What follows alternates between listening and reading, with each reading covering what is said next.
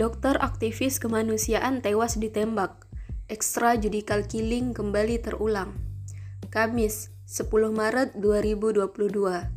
Indonesia kehilangan seorang dokter aktivis kemanusiaan, Dr. Sunardi. Dalam perjalanan sepulang dari tempat praktiknya di Pondok Pesantren Ulul Albab, Sukoharjo, Dr. Sunardi ditembak Densus 88 atas dugaan terlibat terorisme.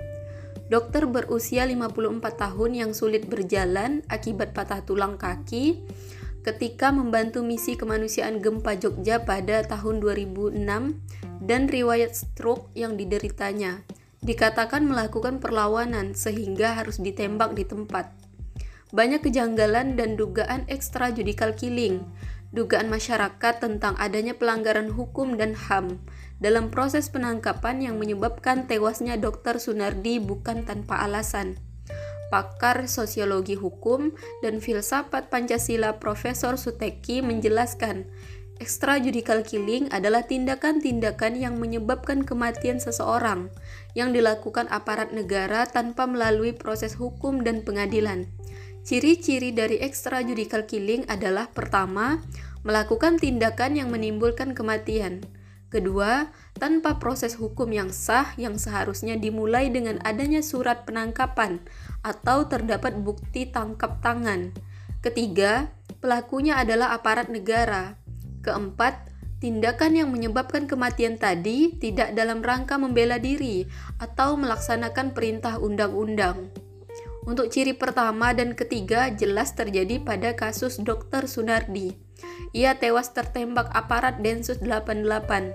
Ciri kedua, tidak ada keterangan apakah surat penangkapan telah dilayangkan kepada Dr. Sunardi atau keluarganya.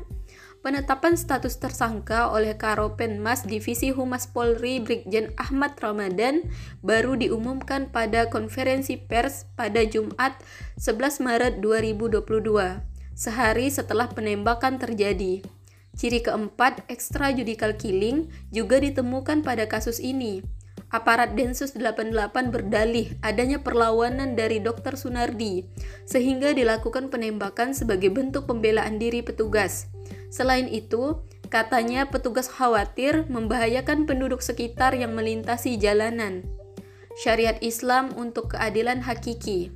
Sistem peradilan dalam Islam diterapkan dengan penuh keadilan tanpa pandang bulu. Segala bentuk tuduhan atau dakwaan perlu mendatangkan saksi dan menempuh proses peradilan sesuai syariat. Tidak pandang bulu, baik aparatur negara, pejabat, atau bahkan kafir sekalipun. Semuanya sama di hadapan hukum peradilan Islam. Dalam Islam, membunuh muslim secara sengaja tanpa alasan yang dibenarkan oleh syariat mendapat ancaman Allah Ta'ala. 1. Kekal di neraka jahanam 2. Mendapat murka Allah 3. Terlaknat Diusir dari rahmat Allah Serta keempat, azab yang sangat besar Allah Subhanahu wa Ta'ala berfirman dalam Quran Surah An-Nisa ayat 93 Siapa saja yang membunuh seorang mukmin dengan sengaja, balasannya ialah neraka jahanam. Dia kekal di dalamnya, Allah murka kepadanya, mengutuknya, dan menyediakan baginya azab yang besar. Wallahu a'lam bisawab.